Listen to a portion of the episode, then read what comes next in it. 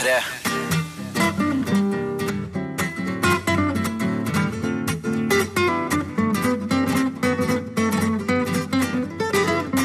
Herreavdelingen onsdag, et spesialprogram for deg som liker pipestemmer. Klassikere fra P3-arkivet. Hvor eh, vi tidligere har hørt på Tastepriv med Harald Eia og Bård Tufte Johansen fra 2004. Men i dag skal vi reise tilbake igjen til 1997. Det var første gang vi lagde radio i 97, ja. Det stemmer. Mm. Og dette var altså Herreavdelingen eh, som gikk på P3 mellom 10 og 12.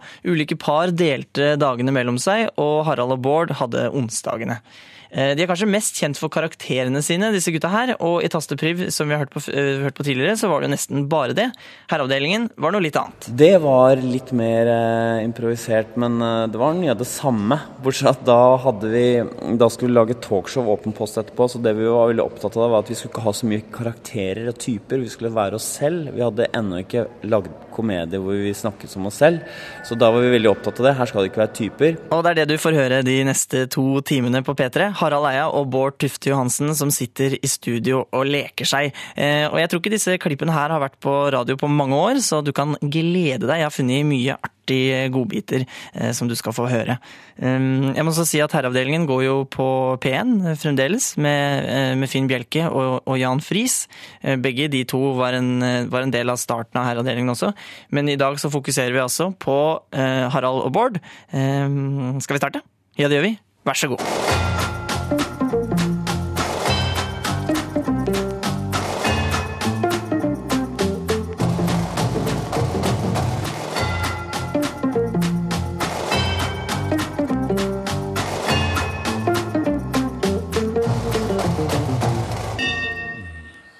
Kjære alle dere eksemplarer av arten Homo sapiens på planeten Tellus. Vi, Bård og Harald, som er det såkalte navnet på to individer av samme art, vil i de to påfølgende timene produsere lydbølger som dere i neste omgang må tolke og bearbeide ved hjelp av millioner av hjerneceller. Bra var det. Generelt velkommen som ville passe til alle radioprogrammer, til alle tider, i alle kulturer. Ja, Vi håper den blir en klassiker i år 2040, denne introen her. Mange hever nok på øyenbrynene at vi ikke sier som vi pleier å si, at vi ønsker velkommen til en to timers heteroerotisk vanviddsseilas. Eh, Men vi sendte oss for å kutte i siste liten. Ja, vi hadde det innelt lenge. Det var egentlig først vi bestemte med dagens sending, var at vi skulle si akkurat det. Men Sånn bestemte vi oss. Um, ja, hva skal vi si om dagen i dag, Harald? Ja, det er jo eh, den 31. september, som sikkert en del kalenderinteressert ungdom har fått med seg. Og det er vel flere enn meg som gleder seg til det store årlige karnevalet i eh, hovedstaden Oslo til helgen. Jeg lurer på om det ikke er noe karneval faktisk i Oslo i år. Å, det, det er avlyst, eh, blitt avlyst i år? Det har det, og det har vel vært avlyst de siste ti årene. Jeg husker det var på slutten av 80-tallet. Akkurat det, det, det er det ingen som har fortalt meg. Så det Så du har uh, feira karneval uh, i alle åra.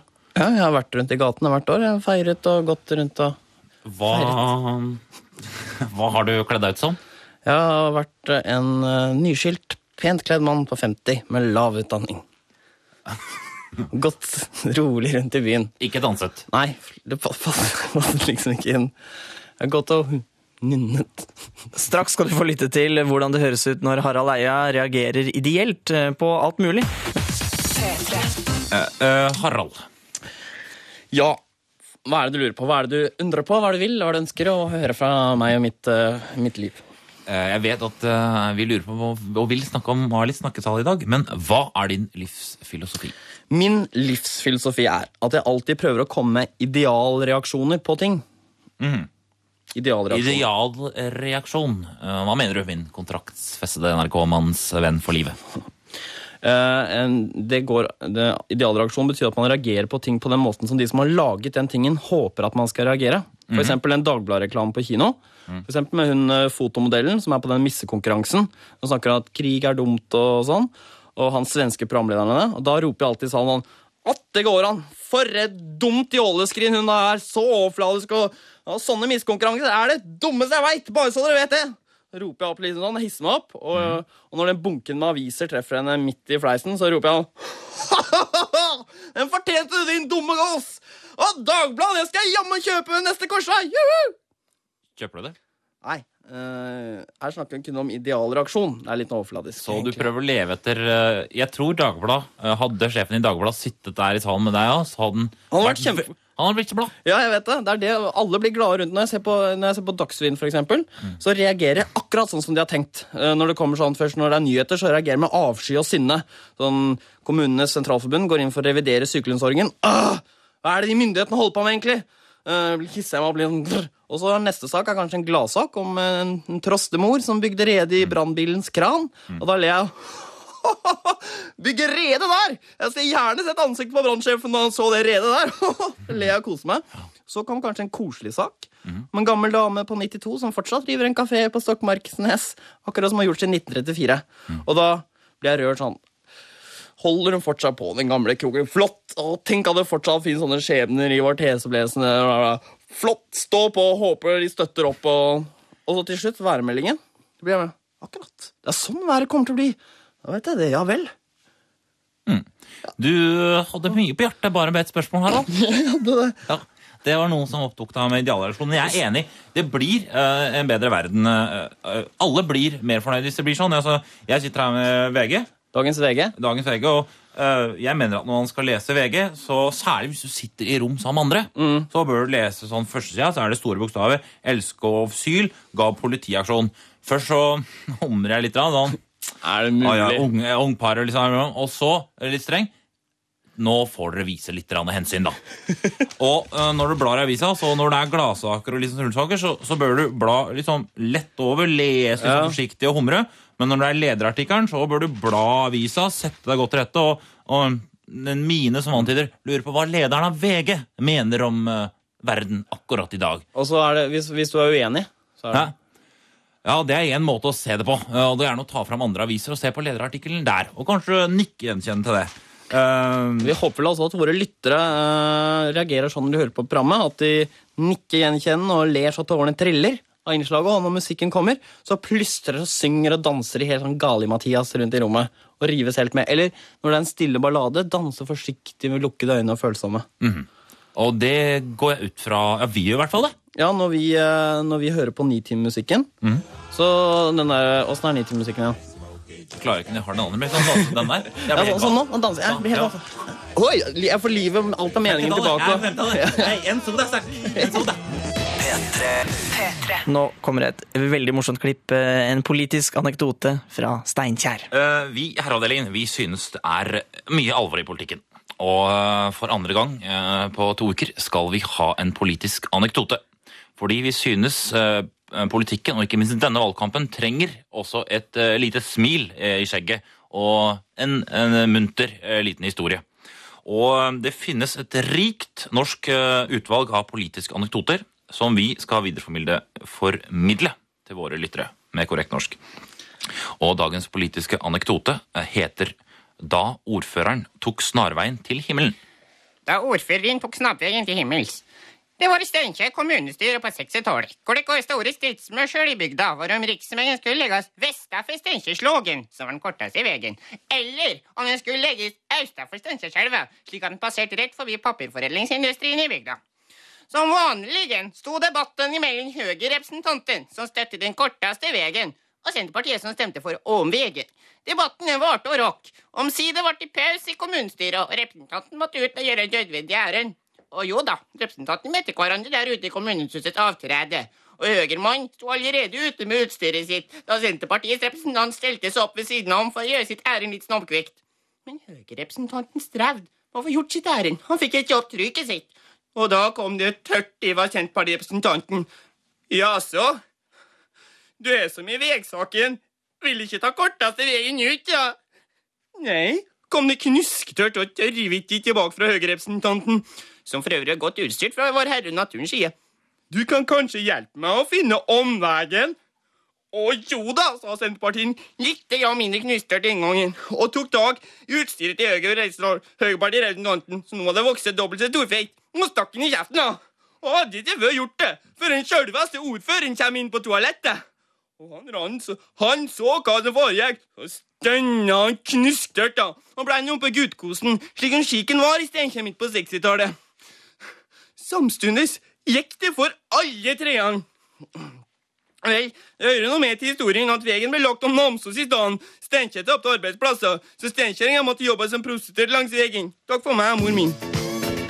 Kjære Utenriksdepartementet, avdeling for norgesreklame i utlandet. Her er en idé som dere skal få av meg helt gratis. Nemlig et forslag som går på det norske flagg. Vi beholder det norske flagget slik som det er. I store trekk. Mye av det fungerer veldig fint. Mitt forslag er rett og slett at vi skriver ordet kukk i hvert av de fire røde feltene. Dette vil skape blest og nysgjerrighet i utlandet om hva slags land Norge er. Jeg har også mange andre ideer angående norgesreklame. Felles for alle ideene er at ordet kukk inngår på en eller annen måte. Mer kan jeg ikke si nå. Men disse andre kukk-ideene kan dere ikke få av meg gratis. Dessverre. Hilsen Bård Dufte Johansen. P3. De siste 20 år her altså har det jo vært en utrolig utvikling i samfunnet. Ikke minst når det gjelder teknologi, og hele samfunnet har forandret seg de siste 20 år. Ja. Utrolige forandringer. Og ja, I den anledning så var det gøy, for jeg har drevet og flytta. Så rota jeg i gamle skolesaker og sånn, og så fant jeg norsk stil. Jeg skrev da jeg var 11 år. Oi! Jeg er altså 31, og dette er 20 år siden. Og 1977, altså. Og oppgaven lød Norge om 20 år. Bruk fantasien din, og drøft hvordan du tror det kommer til å være om 20 år. Jeg tenkte jeg skulle lese litt fra den. Eh, Den heter Kjære dagbok anno 1997. Jeg la det altså opp som en dagbok. Det, det, det er et spennende grep. Ja, Det var, det var dristig den gangen òg, og det er fortsatt det i dag. Er du villig til å lese litt fra den eh, dagboken fra 77? Stilen fra 77? Ja, jeg vrenger eh, innsiden min ut nå, men jeg skal gjøre det. Kjære dagbok. Det er rart for meg nå i dag, i 1997, å tenke tilbake på alt som har skjedd de siste 20 årene. Utrolig å tenke på den enorme utviklingen som har vært. Ting som vi i 1977 bare kunne drømme om, er nå blitt realitet. For eksempel. For 20 år siden gikk togene i 80 km i timen, men i dag går de nesten 100 km i timen på noen strekninger i Vestfold. De kan i hvert fall gjøre det, men de velger sjelden å gjøre det. Ja, for en utvikling det har vært. Tar man bussen i dag, trenger man ikke kjøpe billett hver gang, men bare kjøpe noe rart som heter månedskort. Det kunne man også kjøpe i 1977. I dag er det blitt mye vanligere. Mye, mye vanligere, lærer. Jeg henvender meg her direkte til leseren. Uh, som er læreren. Er smart. Nevn navnet gjerne på den også. Ja, det var dumt. Lærer Skuggedal. Jeg vil du skal vite det.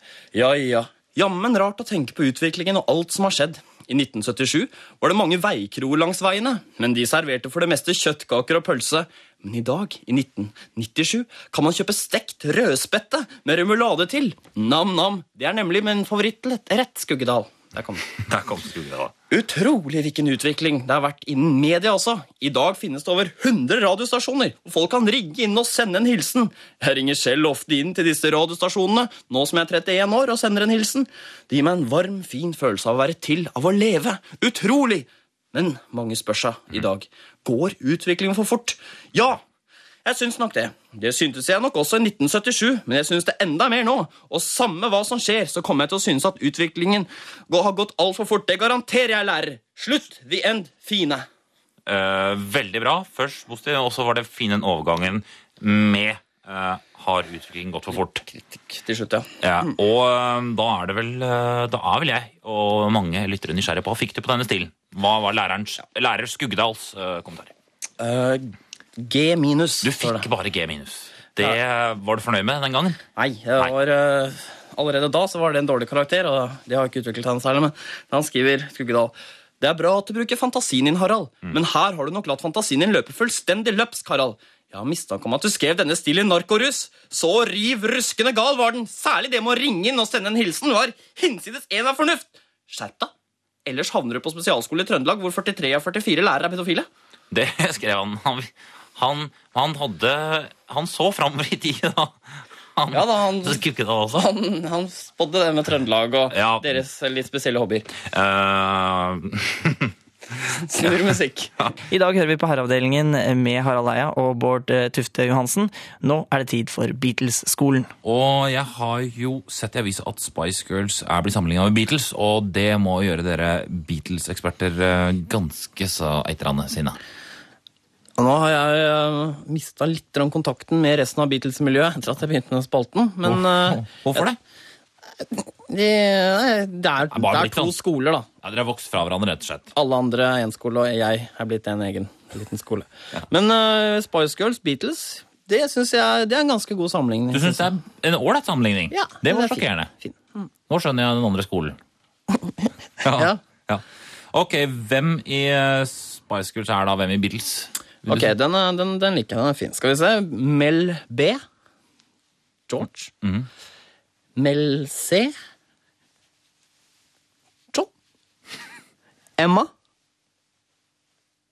Paul. Gary. Jeg tror vi skjønner. Ringo. Jeg, jeg, jeg skjønner. Men hvem er Victoria? Jeff. Det er Jeff. Jeg tror uh, det er, for dere som eh, har lyst til å bli med skolen til Harald, kan begynne å skrive inn. Uh, vi setter i gang Beatles. I need somebody help, not just anybody help. You know I need someone help. Del seks, avsnitt V. Sirkelen slutter seg inn. Avsnitt fem. Ikke V. I need somebody help, not just anybody help. You know I need someone help. Det var i Liverpools gate en kald februar. Tredje. 60. Midt i rush-timen i Londons forretnings. På taket i Apple-bygning rigges opp nå. Trom, bass, samt høyttaler. Og der er de. The Beatles. Beatles. Spiller de langt hår. Slitne nå. Let it be runges. Gutteaktige er tilbake. John, mikrofon. Men ingen unggutt lenger. Årene merkes nå, John. De spøk, erter Paul. Et smil kruser seg på Pauls lepp. Siste latter rundt munnen. George. Skjegget George er slitt, floket inn i hår. Trakterer bass som en gitar. Mens Ringo, sist, en vanlig gutt, mann. Og Jeff på orgelet lånt bort for anledning. Folk strømmer, ungpiker ikledd Teddy og Diffel. Lord, Spencer og Bowl rykker på nesen. Et samfunn i miniatyr stirrer nå. Er det virkelig, sier Ja, sier han. Nei. Jo, Beatles. Er det skulle bli deres siste framtrevis offentlig. Noen ringte Bobby, politiet. De må gjøre sin gateforstyrrelse samt uorden på offentlige tiltak var tiltalen en farse. Men John, ikke lenger redd nå, synger videre ufortrødd. Paul, litt redd nå, for polisen. George, Ringo enser ikke om verdens larm, slår stødig på sin tre fjerdedels. Det ender hele i Johns vokal midt i tredje strofe. Fjerde vers. eh, Fot. E-fot. Verset Elinor Rugby. Church. Der. Drar ut strøm. Voltamp-konserten over. Var symbolsk på de fire. Historien om bruddet var nært og forestående. Musikkpressen. Hyenene. De nådeløs spekulerer. Oppløst? Spørsmålstegn. Krigstype. Gjenforent? Utrops. Liten skrift. Hva var sannheten? Aldri vet vi. Det vi vet, er 1969. John i Yokos favn. Tak. Lille Paul ringte sin Wings nå. Avtalte øving. Mm. Solo planlegger kun tromme-LP nå. Og George Willie Nelson Harrison død. Nei, ikke det. Jeff. Ikke Jeff heller. Hans fulle navn George Harrison Colville Casey Man Wilkinson Harris og sånn. Og sånn. En nervebunt nå. Liverpool sønner store nå, kun i navnet. I gavnet. Fire individer kvalt av sitt eget oppkast. Egen brømmelse. Kvalt brømmelse. Fortuna smilte ikke nå på dem. Vi hører her John fra Apple Studio 5F Downing Street. Innspilt igjen deres siste lykkestund på fire spors enkel. Legg merke til feedback på diskant og Pauls annenstemme. Lucy in the sky with diamonds. For kort for LS. Eller Det. for kort for LS. Spekulasjonen fortsatt raser, men her er altså The Beatles Mania. Hei. Et program bare for deg mellom 40 og 50. Jeg trodde jeg kom til å bli lei av den når de spilte nå. Jo, ok, så like bra nå. Jeg sverget eh, med ti fingre inn og ut og sånn, ja. Så det angrer jeg veldig på nå, merker jeg. Ja. 40-50-årsspalten. eh, aller først en koselig nyhet for alle dere som har lyst til å lære dere 40-50-årskulturen. Det er eh, en kassett, en kveldsundervisningskassett, hvor du får høre småprat av 40-50-åringer som du kan ha i bakgrunnen gjerne du kjører bil. eh, hvor du kan da fantasere at du har masse 40-50-åringer i baksetet. Og det vil være lyder sånn Jaså, ja, sånn er det. Nok er det, ja. Akkurat, ja. Sier du sånn det er, ja. Kan jeg låne mokasinene dine? Kan jeg Har du borrelås på disse skoene? Sånne ting. Og målet er vel å lage også en sånn virtual reality-greie, hvor man kan koble elektroder på kroppen, og Virtuality mokasiner, faktisk, Harald. Som, som som vil koste litt mer enn vanlige mokasiner, men snart vil gå under mokasinpris. regner vi med. Ja, eh, der, eh, vi har fått inn en faks her eh, fra en gutt som jobber i Statoil. Og han skal sette opp en revy, en Statoil-revy. Og sammen med en del 40-50-åringer. Og han har problemer på disse idémøtene, fordi 40-50-åringene har lyst til å tulle med Vinmonopolet, parodere Ingrid Espelid, selv om hun ikke er på TV lenger, og en del sånne ting, fenomener ikke han mener fins. Hva skal jeg gjøre med dette, lurer han på. eh, Jeg syns eh, Hva så? Det ikke fins? Er det Ja, det er bra svar. Hva så? Det er jo revy, og det er jo hele poenget med revy.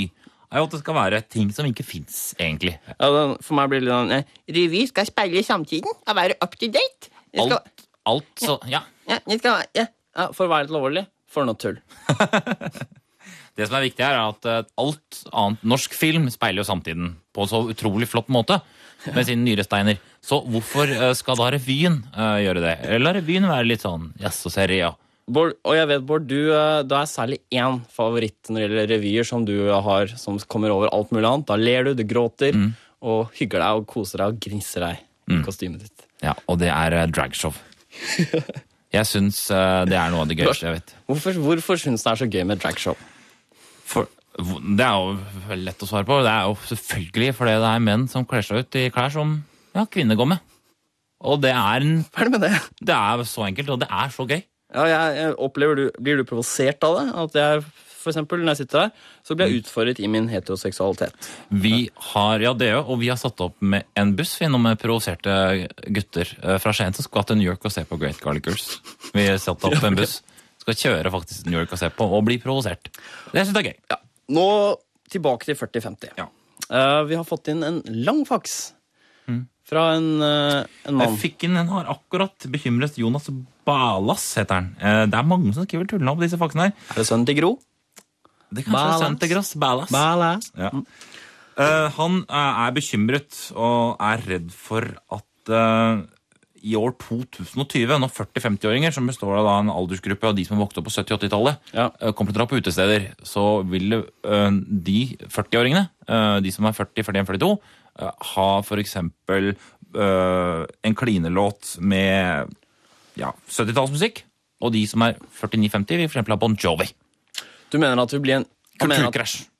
Innen at du, Ja, det er det jeg også har trodd. At, uh, 40-50. og vi er så forskjellige, vi som er 20 og 30 nå. Så hvordan skal det gå når det blir 40-50? Faktum er at det Ikke vær redd, slapp av, det ordner seg selv. Naturen har ordnet det så viselig at man blir helt Helt lik. like. Når du er 40-50, så er man også de som er 40-50 nå. Når Ja. de var unge, 20-30, så likte de på 20 frakk, og de på 30 hatt. Men når de er blitt 40, så går de med frakk og hatt, begge to. Ja, Så du trenger ikke å bekymre deg for denne, dette eh, problemet ditt. Framtidas Jugoslavia for 40-50-åringer, har du sagt. Det er skremmescenario Ja, det er det. som eh, vi skal viske ut med blekk. Men hils Gro, eh, Jonas, og lykke til. Og jeg vet at mange kvinner mellom 40 og 50 likte det litt ertete kåseriet som jeg holdt forrige uke. Og jeg tenkte jeg skulle holde litt sånn ertete kåseri for kvinner mellom 40 og 50 i dag også. Mhm. Eh, det går sånn. Kåseri, erte, 40-50. Kongen går faktisk på do, han også. Akkurat som vi andre. Han har sikkert problemer med vekta, akkurat sånn som oss. Ja, selv om kongen reiser rundt fra land til land og rundt omkring i landet vårt og tas imot med brask og bram, så er det nok ofte at han kanskje må innmari på do der han står og hilser på alskens nobiliteter. Tenk litt på det. Ha det bra så lenge. Det er fin ertestemme, ikke sant? Er, det er så koselig når du erter. Kan ikke du erte meg litt, eh, Harald? Hender ikke ofte at du uh, mm, Bård? Klassikere fra P3-arkivet. Og nå skal vi ta opp noe kontroversielt, kjære P3-lyttere. Og et tema vi både vet og også håper eh, vil avstedkomme reaksjoner. Og vi skal nemlig snakke litt om erting av tyskerunger. Og kritisere den ertingen litt, faktisk. Eh, det er eh, Vi må kritisere det litt, eh, og det har vært unngått. Eh, først eh, det kjedelige anke, ankepunktet som vi har hørt tusen ganger før. Nå må det bli slutt på ertingen av tyske barn. Om moren deres hadde seg med en tysk soldat, så kan ikke ungene noe for det. Vi alle er like for tålsyn, åsyn, og menneskeverdet kan ikke måles og bla, bla. Og, bla, bla, bla. Og det er vi enige om. Det har vi hørt tusen ganger før. Eh, Men, men eh, Ja, hva, hva er det du vil, Harald? Nei, nå, det er, så det er den ene delen av, Det- det ene delen av kritikken. Og jeg har jo selv eh, plaget tyske barn, og, og jeg mener at det får holde nå. Hva har du gjort? Hvordan har du plaget dem? Lugga, gøgga, Ja. knubba og stamma dem. Stabba dem. Men det var ikke så mye, så det nevner jeg Gjort tre til fire ting mot dem. Men nå er det slutt, og du innser at eh, Nå må det bli slutt. nå må det slutt på den ertingen. Så det er ene delen av kritikken. Når det gjelder andre delen av kritikken, så Men vent litt, er det Det er jo Mange vil si at den er uaktuell, for det fins nesten ikke tyskerunger i dag. Å ja? Å ja, det reagerer jeg på, for jeg har da også sett en del av de tyske soldatene som fortsatt kommer innom her, og Hvor gamle er de nå? det er oppe i 70. Men fortsatt kjekke og flørtete der de kommer i uniformene sine på landsbygda i Norges uh, små kommuner. Stopp litt, Harald. Påstår du nå at eh, 70 år gamle tyske soldater drar rundt i Norge og lager tyske barn fortsatt den dag i dag? De er jo flinke med flørten, og de har goder og gods som vi ikke har. Hva da? Uh, nylon, Nyland, ja. gummi, Ja. kaffe, sjokolade og tysk kaugummi. Det, akkurat det siste der har de faktisk ikke. Spasgum. Så det, Så det er fortsatt, det Ja, det fortsatt noen få, enig. få. Det som blir født, så dette er aktuelt. Men så over til den virkelige kritikken av tyske barn, nemlig eh, at den ertingen er så fryktelig dårlig. Ja. Uh, vi, både vi og andre vi, vi sa jo sånn 'tyskerunger, tyskerunger', og så kalte vi mødrene for ah, 'dere tysker tøser'. Tysker tøser. Ja, Og tøser eh, er vel et, eh, kanskje det dårligste erteordet jeg har hørt noen gang. Hvorfor, hvorfor klarte dere ikke som erte, Harald, dere i ertegjengen, å finne på noe bedre ord enn tøser? Vi var Noe slemmere og styggere ord. Tysker er jo stygt. Tyskertøs. Og da var vi fornøyd med det, og så fant vi bokstavrimets erteneffekt.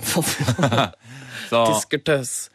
For problemet de av oss som erta tyskertøser og sånn, var at vi var jo vi, Mange av oss er høflige og sånn, og, vi sier sånn mer sånn At det går an, huff a meg. Make til livsvilje fører de deres mann. Her var det huskestue, Dette bryter med den høye moral. Videre. ja, så det var ertingen de fikk uh, svar Ja, for. huff, huff og- Eh, hva skal vi konkludere med da, Harald? Blir en litt sånn todelt konklusjon. Eh, Skjerp dere, dere plageånder. eh, Både før og nå. Og, og skjerp dere, dere tyskertøser. Sånn, og dere som ertet, tenk litt gjennom hva dere gjorde. Og den, den kritikken slår vel litt begge veier, tenker jeg. Og eh, ja, så oppsummere da. Kast ikke den første sten, men skal du gjøre det, så kast den hardt, og ikke bare glipp når slapt i en tøs. Og dere tyskerungen, velkommen til vårt land, og pakk dere hjem til Schleswig-Holstein. Schleswig-Holstein. Schleswig. Blir Schleswig-Holstein. dativ, vet du. Gjør det det, ja? Pakk dere hjem zu. Det er så mange. Schleswig-Holstein. Ah, si. CLMD versus Kish og Frøder med The Stockholm Syndrome på NRK P3. Jeg heter Jonas, og vi hører Herreavdelingen med Harald og Bård. Eh, En fast spalte i det programmet i 1997, det var eh, Johanna som kom innom eh, og anmeldte siste utgave av Donald. Ja, den plassen Åh, Kan ikke jeg få sitte der, da? Da prøver vi å samle oss igjen. Ja. Da har vi fått, som dere hører, besøk her i studio. Og det er fordi Donald har kommet ut, og vår faste Donald-anmelder, Johanna Rygg Ikke tar capen, da. Johanna Rygg, du har sett på Donald denne uka. Du er faste Donald-anmelder. Og øh, du har lest Donald. Ja. Harald, har du lest den? Mm, ja, jeg har det jo. Ja, jeg får kikka på det. Det er klart det er litt opp og ned. Litt... Hva syns du om Donald denne uka, Harald? Fortell litt. Det er litt sånn, det er både svakheter og braheter. Kan jeg få se på det, Hanna? Nei, jeg trenger ikke det. Fortell et lite resymé. Ja, den første historien handler om onkel Skrue som slår seg sammen med han mellomste av de tre små grisene. Og så sammen med spøkelseskladden så lager de en prompegass som Guffen spiser, sånn at han eksploderer utover hele Andeby og lander oppå Magikka fra Tryll. Sånn at hun ramler Eh. oppå Madame Mim, og de dør. Tror du Halar har lest Donald? Nei, det er ikke sånn. Unnskyld at jeg halar, men det gjør ikke noe. Johanna, hva handler eh, Donald om denne uka? handler om at det er en sånn En sånn um, tryllekunstner Ja, det, det er én tolkning. Én tolkning av det. Det handler om en tryllekunstner som ikke får til tryllingen sin. Ja. Hvorfor det? Jo, fordi Jeg vet ikke. jeg, Det står ikke Det er det ikke. Hva man, man, man hører Man ser ikke det i bladet. Eller man, Nei, det er borte. Det er Les. sladdeport. Men nå vi prøver å skjerpe oss, ikke være så barnslige. Og ikke bøy deg så mye over mikrofonen. Um, det, er, vi har fått, eh, det, er noen lyt, det er noen lyttere som har skrevet brev, Johanne. Uh, fordi uh, det er en kobling. Det var lyttere. De som sitter og hører på nå, det er lyttere. Ja. Eh, og de har sendt et brev, eh, mange av de, og vært kritiske fordi at dere er familie. Og at det er typisk NRK at en anmelder og en i redaksjonen er i familie. Hva syns du om det? Er det sant? Ja, det er sant at noen har gjort det. Altså Rent historisk sett så er det veldig vanlig at eh, det er familierelasjoner mellom eh, intervjuer og intervjuobjekt. Det er jo det NRK er basert på, så det er veldig ahistorisk, uhistorisk av lytterne. Hva var lyttere igjen? Hva? Det er Hva var det? Hva er det? Husker ikke du det? Jo, det er de som hører på nå. Ja, det er det. Ja, det er de som hører på nå. Ja. Velkommen. skal dere være. Hvis du skal gi en karakter eh, som vanlig, Johan, på dagens Donald, hva er din karakter? På en terning, en, eh, en terning som går fra 1, og så er det plutselig opp til 100, så er det ned til 12, 5, 7, 12 og 1 og 3 og 12 og 5. Hvilket nummer vil du gi? 100. Du vil gi 100. 100. Altså 100. 100. Herreavdelingen gikk i 1997. Før det så hadde Harald Bård lagd Lille Lørdag på TV. Og da ble de jo ganske kjente. Og det har de tenkt til å misbruke eller eh, bruke. Alt ettersom nå. Og eh, Harald, eh, det må jo være lov å si at ja, uten å få janteloven i hodet, så kan vi vel si at vi to er ganske kjent. Det er vi. Ja, og Hvis jeg skal være helt ærlig, så ærlig at jeg nesten kaster opp, overfor for både deg og lytterne, så er jeg vel kanskje bitte litt overraska at ingen har begynt å skrive en biografi om meg som tar opp min bakgrunn. Jeg har nemlig allerede tenkt ut kapittelinndelingen. Har du det? Få høre. Kapittel 1. De første årene. Legene tror ikke sine egne øyne. Spennende. Kapittel 2. Barnepsykologen gir seg enda over over mine testresultater. Oi, oi. Kapittel 3. Skoletiden. En kreativ rebell, rebell mot et stivnet system. Og, eh, Ja, det, det høres bra ut. og vi skal faktisk gjøre litt research til demografien på direkten. Mhm. Ja, da har vi min klasseforstander fra ungdomsskolen, Ingvild Ruud, på tråden. Hallo? Hallo, her er jeg. Ja, og Ingvild Ruud, jeg hadde jo deg som klasseforstander fra 1979 til 1982. Og eh, du har sikkert fått med at jeg jobber i NRK nå, og jeg har vel på mange måter gjort det veldig bra. Jeg lurer på, La du merke til noe den gangen at han Harald han var det noe spesielt med? Etter at du ringte i går og sa at du ville ringe opp igjen i dag, så har jeg kikket litt på gamle bilder og papirer og, og tenkt meg litt om. Ja, jeg husker det i hvert fall. Ja, men Hadde du regnet med den gangen at jeg skulle gjøre det såpass bra? Du må jo ha skjønt at det kom til å bli noe spesielt av meg den gangen. Ja, du var en hyggelig elev, flink og Ja. i klassen, men Men tenkte du Harald han skiller seg ut fra det andre? For jeg, jeg var jo klassens klovn på mange måter. mm, Nei, jeg vil ikke si det, men, men jeg husker Martin. Martin Westersjø tenker du på? Ja, han, det er Martin Westersjø var det. Han var faktisk klassens klovn. Ja, jeg, jeg satt ved siden av han uh, rett Så du var ikke klassens klovn, Harald? Nei, men jeg studerte klassens klovn Martin nøye gjennom flere år. Takk skal du ha, Ingvild Ruud, for praten. Eh, Kommer du på noen historier om meg sånn helt på tampen? Nei, men eh, kanskje det var Jeg hadde det jo bare i norsk og engelsk. Kanskje det var noen andre lærere som husker det bedre. Ja, Det er nok helt sikkert. Det kan du banne på. Takk skal du ha, Ingvild Ruud. Ha det. Ha det.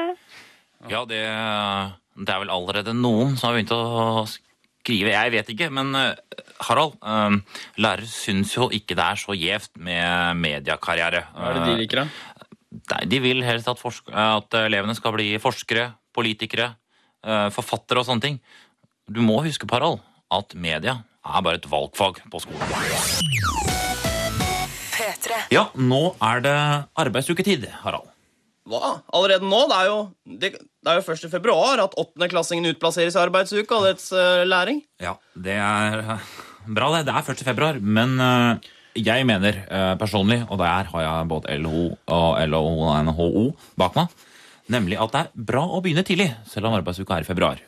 Eh, For det gjelder å begynne å orientere, samle på foldere, mapper, sende brev. Brosjyrer, hva med det? Eh, det kan du vente litt med, men foldere, foldere først eh, nå. Det gjelder å plukke ut interessante bedrifter. Arbeid er det primær, tertiær, sekundærnæring de vil ha praksis i. For å finne hvem vei du skal gå. Allerede åpne. Så Ja, for det er nok av folk som, eh, som ikke gjør det, som ikke kontakter eh, arbeidsgiveren først, og havner på et sted man ikke hadde tenkt og ikke har noe ønske om å komme til, og gjør det til en uke i likegyldighetens, apatiens tegn. Hvor man kanskje blir stående gråtende ved et samlebånd mens en skogg med flotte arbeidere gjør narr av deg og utstyret ditt. og River av deg alle klærne og spyler deg med kaldt vann og kler deg opp i dameklær, sånn at du må danse rundt i kantina og underholde hele norske Hydro og sitte på fanget til alle arbeiderne til tur. 14 år var jeg! 14 år, Bård. Er det sant? Ja, det eneste som er sant, jeg var 14 år. Hydro, var det sant, da? Nei. Ikke det heller. Jeg hjalp til hjemme. Hvor var du på arbeidsuke i 8. klasse? Jeg var på sykehus. Oi. Hvor på sykehuset da? Eh, Jeg jobba på fødeavdeling. Ja vel? Ja. Fikk du vært til stede på fødsel og sånn?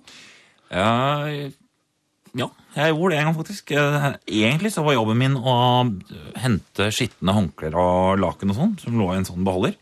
Og siste dagen i arbeidsuken, rett etter lunsj, jeg hadde bare et par timer igjen av læringsprosessen min, så kom jeg inn i en fødestue, og der var det noe utrolig hyling og skriking. Og det var en kjempekomplisert fødsel. Og det var to overleger der, en gynekolog og en assisterende gynekolog, og en jordmor. Det var helt sånn, det bare syda koka. Ja, og jeg bare gikk sånn helt usynlig bort og tok skitt. Jeg ville ikke blande meg i det hele tatt. Og så bare brøyt uh, legen helt sammen. Klarte det ikke, for det var bare Det sto mellom liv og død. Alle bare Dette klarer jeg ikke. Og så husker jeg det bare som slow motion at jeg gikk bort, fire raske grep, og så forløste jeg barnet. Hva? Hvor gammel Akkurat var som jeg har gjort det 100 ganger. Altså. Jeg var 14 år. Det er uh, Hvordan er det- Jeg, Harald, jeg har uh, reinkarnert. Jeg har vært uh, jordmor i mitt forrige liv. Hvor da? Hvor har du vært jordmor hen? I, eh, jeg har vært eh, jordmor i Nord-Norge. Og Bevis det. ja, jeg kan bevise det fordi at jeg kan snakke Jeg var i Tromsø sykehus, da. Ja. Så jeg kan uh, Jeg trives godt her i Tromsø sentralsykehus. Du kan snakke perfekt nord nordnorsk den ja, så dag i det er grunnen til altså, da, da skjønte jeg at jeg var reinkarnert. da. Jeg er jordmor her på post B, og det er kummerlige forhold for oss jordmødre her på Tromsø sentralsykehus. Der fikk du den. Så det er fortsatt kummerlig kål der oppe. Ja, og eh, hvis noen i Post F hører oss nå, eh, der oppe på Tromsø sykehus, så ja, håper jeg det går bra, og håper dere kjemper kampen mot de onde overlegene. Men hva med den årlige bedriftsfotballturneringen som er der oppe i disse oktobertider? Jeg håper Post F endelig vinner over Post A. At Your Leisure med Walk på klassikere fra P3-arkivet. Jeg heter Jonas og er arkivaren din. Eh, Vi hører på Herreavdelingen fra 1997. eh, Et veldig morsomt radioprogram som faktisk fremdeles går eh, på norsk radio. Nå på P1 med, med Finn Bjelke og Jan Friis. Men dette her er altså fra onsdagsherreavdelingen i 1997. Ulike par hadde ulike dager, og Harald og Bård hadde onsdag. Og det er sikkert mange som hører på radio nå, som har fått med seg at Anne Holt har kommet med en ny bok. Og boken heter Mea culpa, en historie om kjærlighet. Eh, og den handler vel om en, et eh, ulykkelig eh, lesbisk kjærlighetsforhold. Og Harald, har du lest den boka? Nei, men jeg, jeg, jeg kan si rett ut det ingen andre tør å si. Dette handler jo selvfølgelig om Anne Holt selv. Det er det ingen tvil om. Så du slår fast det har vært en debatt?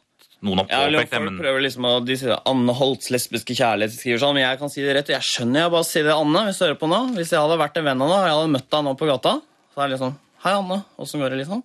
Kutt uh, pissbladet. Jeg leste boka di. Nydelig. Helt nydelig. Og jeg skjønner selvfølgelig at den handler om, handler om deg. Og, og så sier hun ja, Harald, det er noe med å fortelle. Jeg er Kutt, Anne! Tror du ikke jeg har skjønt det? Jeg er ikke dum, Anne Holt. Jeg bare sier det. At jeg er veldig glad i Anne. Bare si at vennskapet vårt er blitt enormt styrka etter dette. Du må regne med at en del av dine venner kommer til å svikte deg nå. Vær klar over det. Men jeg kommer til å være der hele tiden. Anne, ikke, ikke gråt. Kom hit. I, kom hit, Anne. I helvete, jeg er glad i deg, Anne. Sonja. Sonja, Sonja. Hysj, ikke gråt. Sonja, Anne Holt. Nei. Nei, Anne. Kutt, nei, Anne, kutt ut. Nei, dette blir feil. Anne, nei. Nei, nei, jeg kan ikke. Dette, dette er dårlig gjort. Anne, nei. Dårlig gjort mot Elisabeth og Monica. Jeg, jeg kan ikke. Eh, Hvem er Elisabeth og Monica? Eh, Det er jo ofte når det er lesbiske, så er det tre jenter sammen. Det, det har jeg lest. Hvor har du det fra? Jeg leser flere reportasjer i eh, I hva da? et pornoblad. Ja, nettopp. Det er eh, ikke reportasjer i pornoblad, Harald, og eventuelt dere der ute også. Det er ikke reportasjer, det er eh, fantas syke fantasier i pornoblad. Eh, hvilke pornoblad har du lest, for eksempel? For eksempel i bladet Fjell og fitte. Hva, hva kalte du blad? Fjell, fjell og fitte. Det er bra blad, det. Det har blitt mye, mye bedre i det siste. Vi har to klassiske klipp fra herreavdelingen igjen. Um, I tidligere sendinga så hørte vi en politisk anekdote fra, fra Steinkjer. Harald og Bård syns valgkampen i 1997 eh, trengte litt hyggelige historier fra, fra historien, eh, og vi hører en til. Og i dag har vi hentet Jon Leirfall, som startet sin politiske karriere i Steinkjer kommunestyre tidlig på 60-tallet. I en historie som har fått navnet Da kunsten kom til Steinkjer. Da Steinkjer til kunsten kom. Det hadde vært å åpne nytt kulturhus i Steinkjer, og kulturhuset ble åpna med brask og bram eh, Forresten, ikke bram. Med kunstutstilling. Og kunstnerien som skulle innvie kulturhuset våren moderne skolen, hadde laga abstrakte skulpturer som ikke forestilte noe særskilt objekt av det vår Herre har skapt på jord. Kunstnerien, en oslomann hvis navn ikke skal nevnes her. Men jeg kan jo si så mye at mora hans kommer fra Ygstadslekta oppe for Namsosbøtti. Når hun får spille med seg der oppe ved gamle Sagbrukten Yngvar, der hvor gammelmølla Svartdalen sitt navnsberg. For de som kjenner på Vel, nok om det. Ordfører i Steinkjer på den tida, Trym Borten, hadde svor alzheimer i allvarsom grad og ble blitt ei sjarmerende blanding av grønnsak og senterpartimann. Han skulle avduke det første kunstverket. Og da ordføreren dro av lenningskledet som skjulte kunstverket, kom det til synes ei sak som likte mer på ei viss unevnelig godplass på kvinnekroppen. Ingen nevnt, ingen glemt. Og mens kunstnerinnen fra Oslo forklarer hva kunstverket betydde for noe, så spredte seg en skøyfnis blant åskåderne, som bestod av kulturutvalget, budsjettkomiteen, samt en liten dvergfamilie som har vært lokka dit med godteri. Hvor det enn var, ordfører innså kunstverket og sa knusktørt. Jaså, er det det finkunsten av i dag?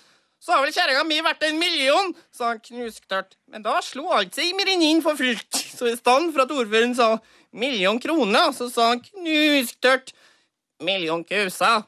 Og da kom det knusktørt ifra formannen i budsjettkomiteen.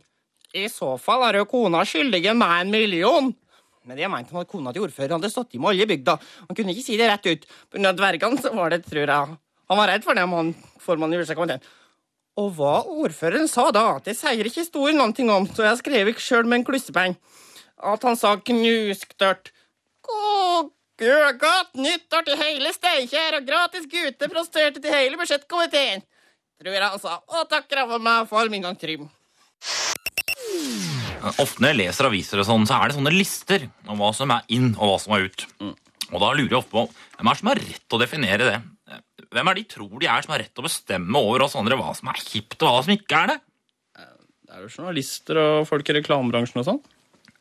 Ja, det, ja, det er journalist... Ja, det stemmer det! Ja, Du syns ikke de har rett til det, liksom? Jo, jeg bare lurer på hvem det var, jeg. Ok, Er det noe annet du lurer på, eller hva? Og når jeg leser det avisen Hvem er det som er, hvem er, som er Hvordan kan folk lese, egentlig? Ja? Eh, De fleste lærer å lese av noen lærere på skolen. Er Lærere Ja, ja, stemmer det! Det er lærere, ja! Ja, nå husker jeg det! Det er lærere, ja! De som er på tavla sånn, ja! Ja, stemmer det! Ja, ja, ja, ja, ja. Er det, er det noen andre ting eh, du lurer på, eller?